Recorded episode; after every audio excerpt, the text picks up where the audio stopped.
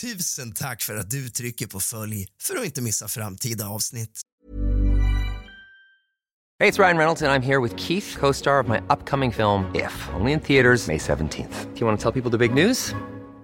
All right, I'll do it. Sign up now and you'll get unlimited for $15 a month in six months of Paramount Plus Essential Plan on us. Mintmobile.com slash switch. Upfront payment of $45 equivalent to $15 per month. Unlimited over 40 gigabytes per month. Face lower speeds. Videos at 480p. Active Mint customers by 531.24 get six months of Paramount Plus Essential Plan. Auto renews after six months. Offer ends May 31st, 2024. Separate Paramount Plus registration required. Terms and conditions apply if rated PG. A lot can happen in the next three years. Like a chatbot may be your new best friend. But what won't change? Needing health insurance. United Healthcare Tri Term Medical Plans are available for these changing times. Underwritten by Golden Rule Insurance Company, they offer budget friendly, flexible coverage for people who are in between jobs or missed open enrollment. The plans last nearly three years in some states, with access to a nationwide network of doctors and hospitals. So, for whatever tomorrow brings, United Healthcare Tri Term Medical Plans may be for you. Learn more at uh1.com. Everyone knows therapy is great for solving problems, but getting therapy has its own problems too, like finding the right therapist, fitting into their schedule, and of course, the cost. Well, BetterHelp can solve those problems. It's totally online and built around your schedule. It's surprisingly affordable too. Connect with a credentialed therapist by phone, video, or online chat, all from the comfort of your home. Visit betterhelp.com to learn more and save 10% on your first month. That's BetterHelp H E L P. Tack för att du trycker på följ för att inte missa framtida avsnitt. God afton alla monsterdiggare och kallt välkomna tillbaka ska ni alla vara till kusligt, rysligt och mysigt. Idag ska vi ta del av någonting fruktansvärt som utspelade sig runt jul på 80-talet. Inte allt för länge sedan. Vad passar bättre i december? Det är juletid. Det är snö. Det är tomtar. Det är glögg. Det är trevligt. Det är julbord och mysigt. Inte alltid. Sätt dig ner, men hämta lite sällskap din fegis och någonting gott och varmt att dricka. Släck alla lampor och tänd alla ljus, för nu börjar dagens avsnitt av kusligt, rysligt och mysigt.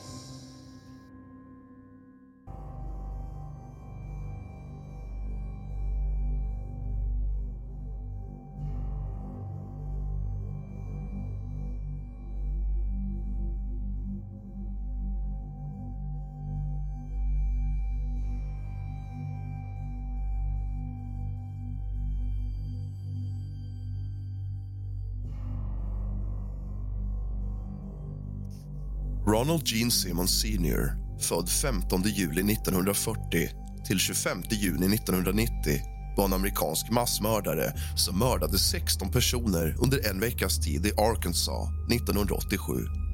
Som pensionerad militärtjänsteman mördade Simmons 14 familjemedlemmar däribland en dotter som han hade misshandlat sexuellt och det barn hon hade fött med honom samt en före detta arbetskamrat och en främling han skadade även fyra andra. Han är den värsta massmördaren i Arkansas historia. Simmons dömdes till döden 16 gånger och efter att ha vägrat att överklaga sin dom avrättades han i Arkansas den 25 juni 1990. Hans vägran att överklaga blev föremål för ett fall i Högsta domstolen 1990, Whitmore mot Arkansas. Ronald Gene Simmons föddes den 15 juli 1940 i Chicago, Illinois som son till Loretta och William Simmons. Den 31 januari 1943 dog William Simmons av en stroke och inom ett år hade Simmons mor gift om sig. Denna gång med William D. Griffin, civilingenjör vid US Army Corps of Engineers. År 1946 flyttade kåren Griffin till Little Rock, Arkansas den första av flera förflyttningar som skulle föra familjen runt om i centrala Arkansas under det kommande decenniet. Den 15 september 1957 hoppade Simmons av skolan och gick med i den amerikanska flottan och var först stationerad på flottstationen Bremerton i Washington där han träffade Bursaby Rebecca Becky Ulibarri som han gifte sig med i New Mexico den 9 juli 1960. Under de följande 18 åren fick paret sju barn År 1963 lämnade Simons flottan och gick ungefär två år senare in i det amerikanska flygvapnet. Under sin 20-åriga militära karriär tilldelades Simmons en bronsstjärna-medalj republikanska Vietnamska lantkors för sin tjänstgöring som flygare och Air Force Ribbon för excellent marksmanship. Simmons gick i pension från flygvapnet och militärtjänsten den 30 november 1979 med rang av Master Sergeant. Den 3 april 1981 undersöktes Simmons av Cloudcroft, New Mexicos departement för mänskliga tjänster för anklagelser om att han hade fött ett barn med sin 17-åriga dotter Sheila som han hade utnyttjat sexuellt. Eftersom han fruktade att bli arresterad flydde Simmons i slutet av 1981 med sin familj från New Mexico. Först till Ward, Arkansas, i Lona County och sen till Pope County nära Dover, Arkansas, sommaren 1983. Familjen bosatte sig på en 13 hektar stor mark 6,5 mil norr om Dover som de skulle döpa till Mockingbird Hill. Bostaden var byggd av två äldre husbilar som sattes ihop till ett stort hus som varken hade telefon eller inomhusrengöring och som omgavs av ett provisoriskt stängsel som på vissa ställen var så högt som tre meter. Som ett resultat av hemmets brist på vattenledningar beordrade Simon sin familj att gräva tre avloppsgropar varav en de skulle så småningom bli den plats där han gjorde sig av med några av deras kroppar.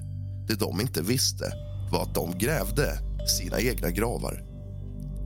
Simmons hade en rad lågavlönade jobb i den närliggande staden Russellville, Arkansas. Han sa upp sig från en tjänst som kundtjänsteman på Woodline Motor Freight efter flera rapporter om olämpliga sexuella närmanden och började arbeta på en Sinclair Minimart i ungefär ett och ett halvt år innan han slutade den 18 december 1987. Vid tiden för morden hade antalet personer i hemmet minskat till sju eftersom två av de äldre barnen, Billy och Sheila, flyttade ut, gifte sig och fick egna barn. Strax före jul 1987 bestämde sig Simmons för att döda alla medlemmar av sin familj. På morgonen den 22 december dödade han först sin fru Rebecca och äldsta son Gene genom att slå dem med en hammare och skjuta dem med en 22-kalibrig pistol. Därefter dödade han sitt treåriga barnbarn Barbara genom strypning. Simmons dumpade kropparna i en av de avloppsgropar han tidigare tvingat sina barn att gräva. Simmons väntade sedan på att hans andra barn skulle komma tillbaka från skolan för jullovet. När de kom berättade han för dem att han hade presenter till dem men att han ville ge dem en i taget. Först dödade han sin dotter, 17-åriga Loretta som Simon ströp och höll under vattnet i en regntunna. De andra barnen, Eddie, Marianne och Becky dödades sen på samma sätt och dumpades därefter i avloppsgropen. Runt middagstid den 26 december anlände de återstående familjemedlemmarna till hemmet eftersom Simmons hade bjudit in dem till julhelgen. De första som dödades var Simons son Billy och hans fru Renetta som båda sköts ihjäl. Därefter ströp och dränkte han deras 20 månader gamla son Trey. Simmons sköt också ihjäl sin äldsta dotter Sheila som han hade utnyttjat sexuellt och hennes make Dennis McNulty. Simmons ströp sen sitt barn Sheila, sjuåriga Sylvia Guile och slutligen sitt 21 månader gamla barnbarn Michael. Simmons la kropparna och hela sin familj i prydliga rader i vardagsrummet. Deras kroppar var täckta med rockar utom Sheilas, som var täckt av Rebecca Simmons bästa duk.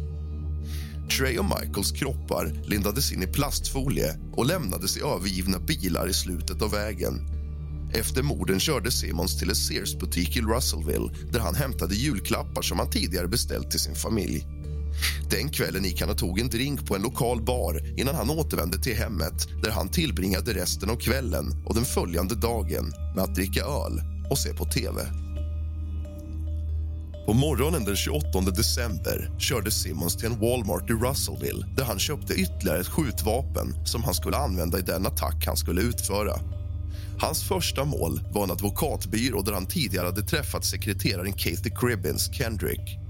Simmons hade varit förälskad i Kendrick, men hon hade avvisat honom. Efter att ha gått in på kontoret sköt och dödade han Kendrick. Därefter gick han till ett oljebolags kontor där han hade för avsikt att döda ägaren Russell Rusty Taylor. Taylor var också ägare till Sinclair Minimart som Simmons nyligen hade sagt upp sig från. Han sköt och sårade Taylor innan han dödade en annan person i byggnaden vid namn James David Chaffin. Chavin var den enda avlidna offret som var en fullständig främling för Simmons. En annan anställd i byggnaden besköts, men kulan missade. Simmons sköt en annan anställd i byggnaden, men kulan missade även honom.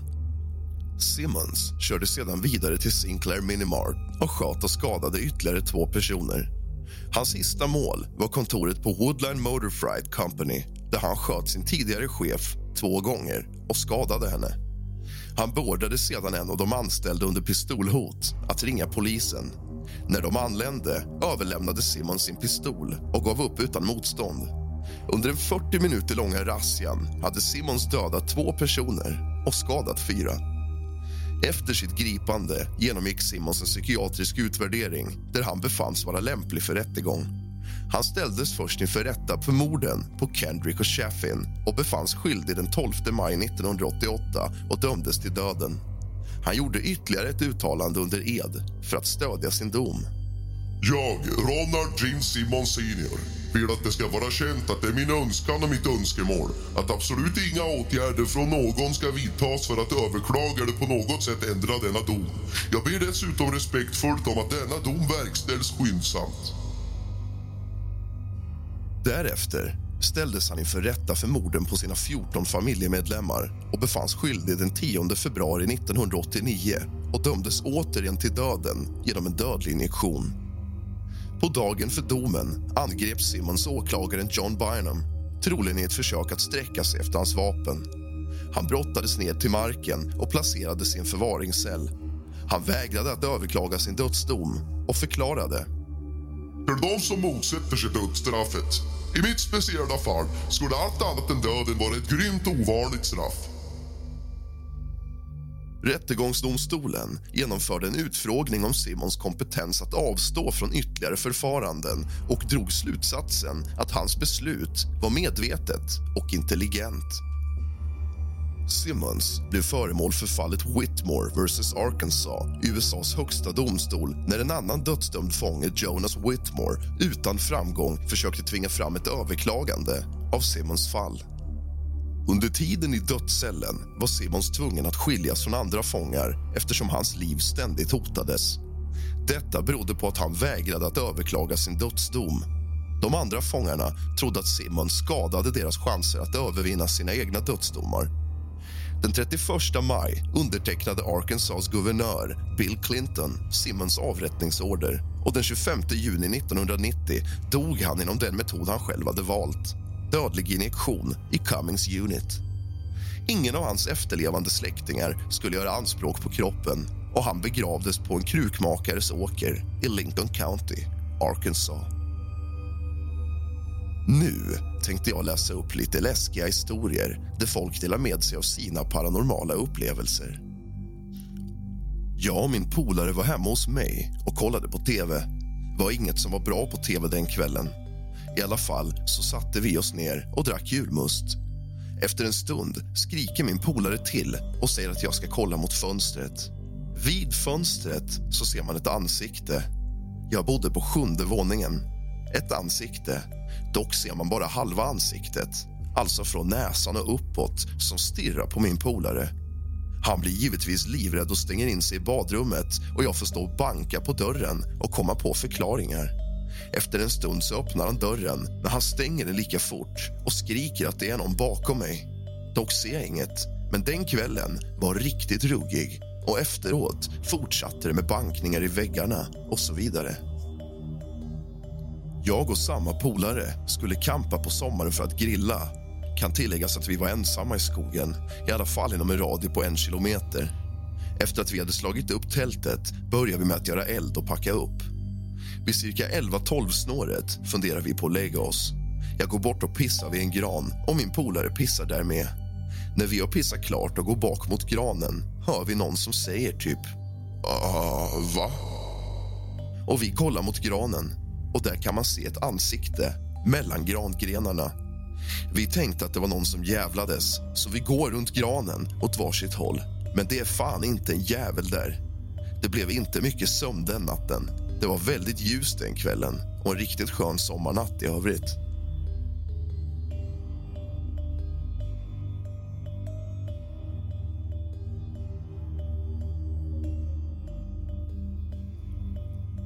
När mina föräldrar skilde sig flyttade jag med mamma. Samma dag vi flyttar in i lägenheten känner jag mig lite obekväm av att vistas där. Svårt att beskriva känslan. Första natten säger mamma att hon ska sova hos sin nya fästman och jag blir helt illamående och börjar gråta. Känner inte igen mig själv då jag aldrig någonsin haft problem med att sova ensam och heller aldrig varit rädd av mig. Mamma tyckte jag betedde mig lite märkligt. Jag var 17 år och inte en sjuårig skolflicka. Så hon frågade om jag ville att hon skulle sova hemma. Jag torkade tårarna och kände mig barnslig och jag sa att hon inte behövde sova hemma. Den natten vaknade jag, trots att jag aldrig brukar vakna under natten. Men det gör jag av någon anledning. Jag ligger kvar i sängen och försöker somna om och efter cirka fem minuter får jag en känsla av att det är någon bakom mig. Jag vänder mig om och ser en man med en lång svart rock och någon typ av mössa på sig. Hans ansikte går inte att se. Det är bara svart. Han står där i dörröppningen och tittar på mig. Jag blev så djävulskt rädd att jag började svettas på en sekund och vände mig om. Efter fem till tio sekunder tittar jag tillbaka. Mannen är kvar. Instinktivt rusar jag upp ur sängen och slår honom med en knytnäve i ansiktet. Då försvinner han, som om han bara löstes upp och jag träffar dörrposten med knytnäven. Jag var helt skräckslagen och spenderade resten av natten på balkongen. Jag kände mig säkrast där av någon anledning. Förvirrad för att man begriper inte vad man har varit med om. Jag berättade aldrig någonting för någon. Kände ändå att ingen skulle tro mig. Trodde knappt mig själv liksom. Någon månad senare sov en av mina väninnor över hos mig och hon berättade dagen efter att hon hade vaknat på natten och sett en man som höll sin handflata några centimeter ovanför hennes ansikte. Jag berättade aldrig om min upplevelse, för jag funkar som så att det man inte pratar om finns inte. Hur som helst har jag aldrig upplevt något liknande igen.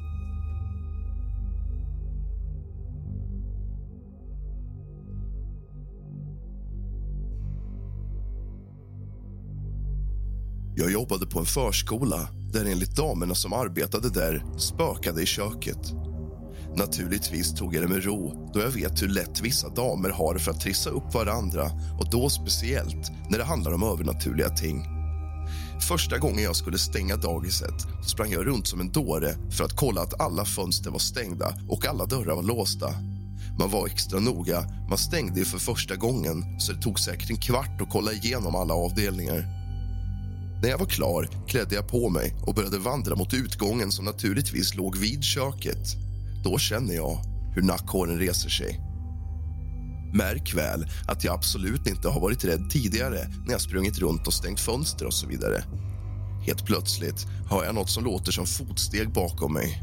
Eller det låter snarare som att någon hoppar jämfota bakom. Jag hör även att fotstegen kommer närmare mig varpå jag nästan börjar springa mot utgången. När jag äntligen kommer ut kommer jag på att jag glömt slänga en påse full med använda blöjor så det var bara att ge sig av in igen. Men då var det hur tyst som helst där inne. Det hände ofta att man hörde glaskross från köket utan att något gått sönder och dörrar öppnades och stängdes lite hipp som happ. Men jag var aldrig med om något som hände vid stängning igen. Några vikarier vågade heller inte jobba ensamma på sena eftermiddagar. Nu har jag jobbat extra igen på samma ställe så vi får se om något mer händer. Och då skriver jag naturligtvis här.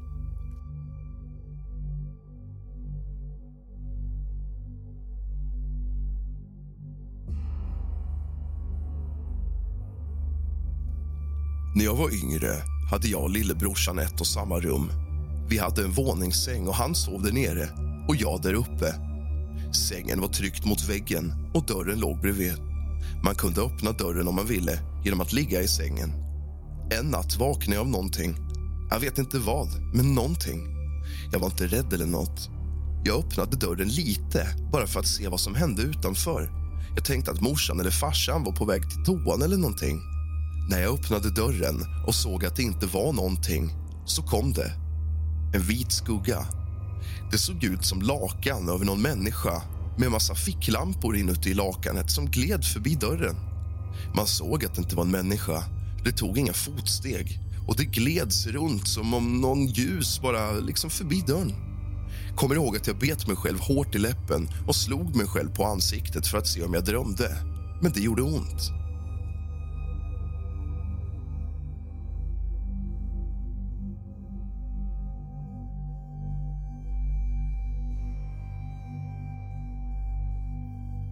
En annan gång för något år sedan satt jag hemma framför tvn och kollade på något. Bakom tvn är det en vägg och höger om tvn är det en dörröppning. Men ingen dörr finns där. Det är bara en öppning till köket som ett valv.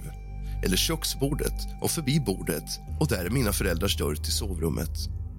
Kommer ihåg att dörröppningen var lite öppen och jag var ensam hemma.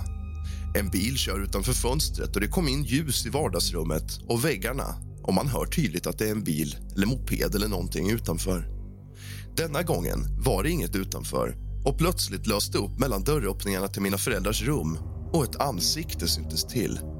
Det där ansiktet var så perfekt att det är omöjligt att slump slash chans skapat något sånt. Ansiktet kollade på mig, såg ögonen, munnen, ja, hela alltet.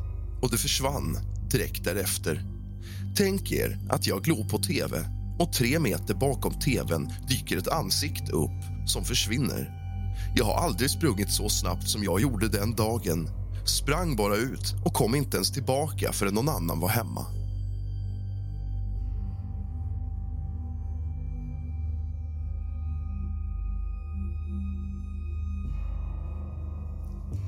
Var det ett hej då?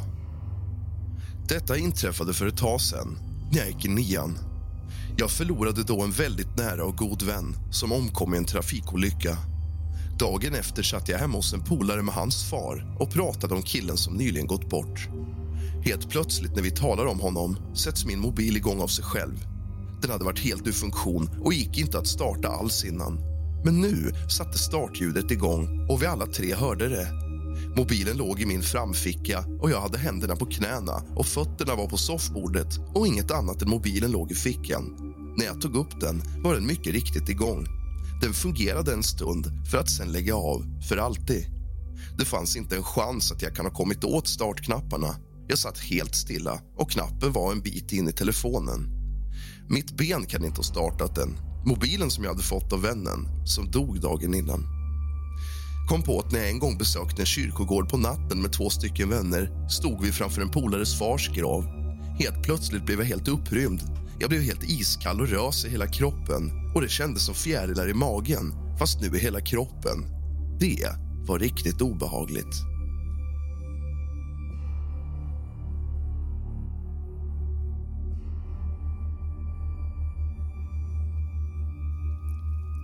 Jaha, vad ska jag berätta om då? Jag har upplevt en hel del.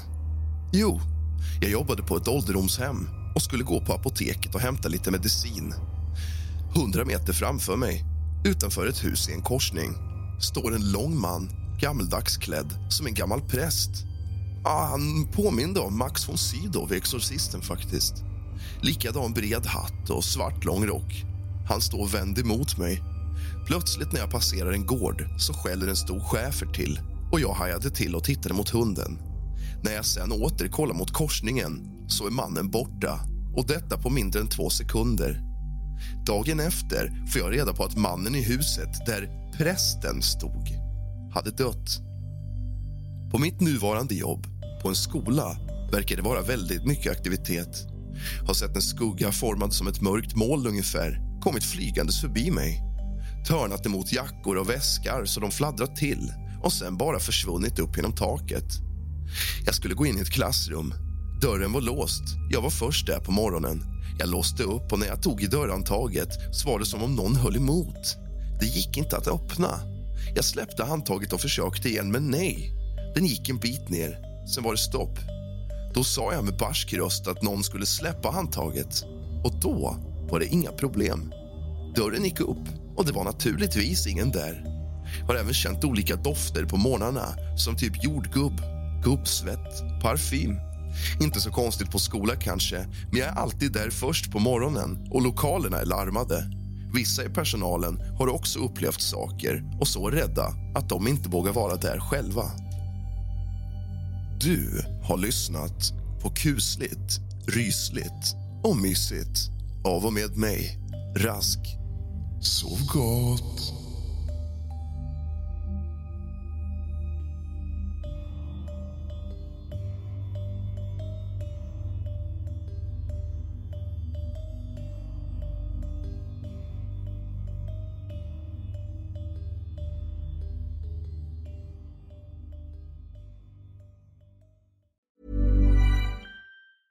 Planning for your next trip?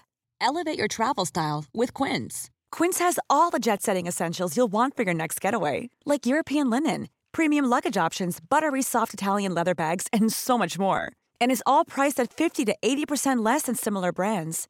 Plus, Quince only works with factories that use safe and ethical manufacturing practices.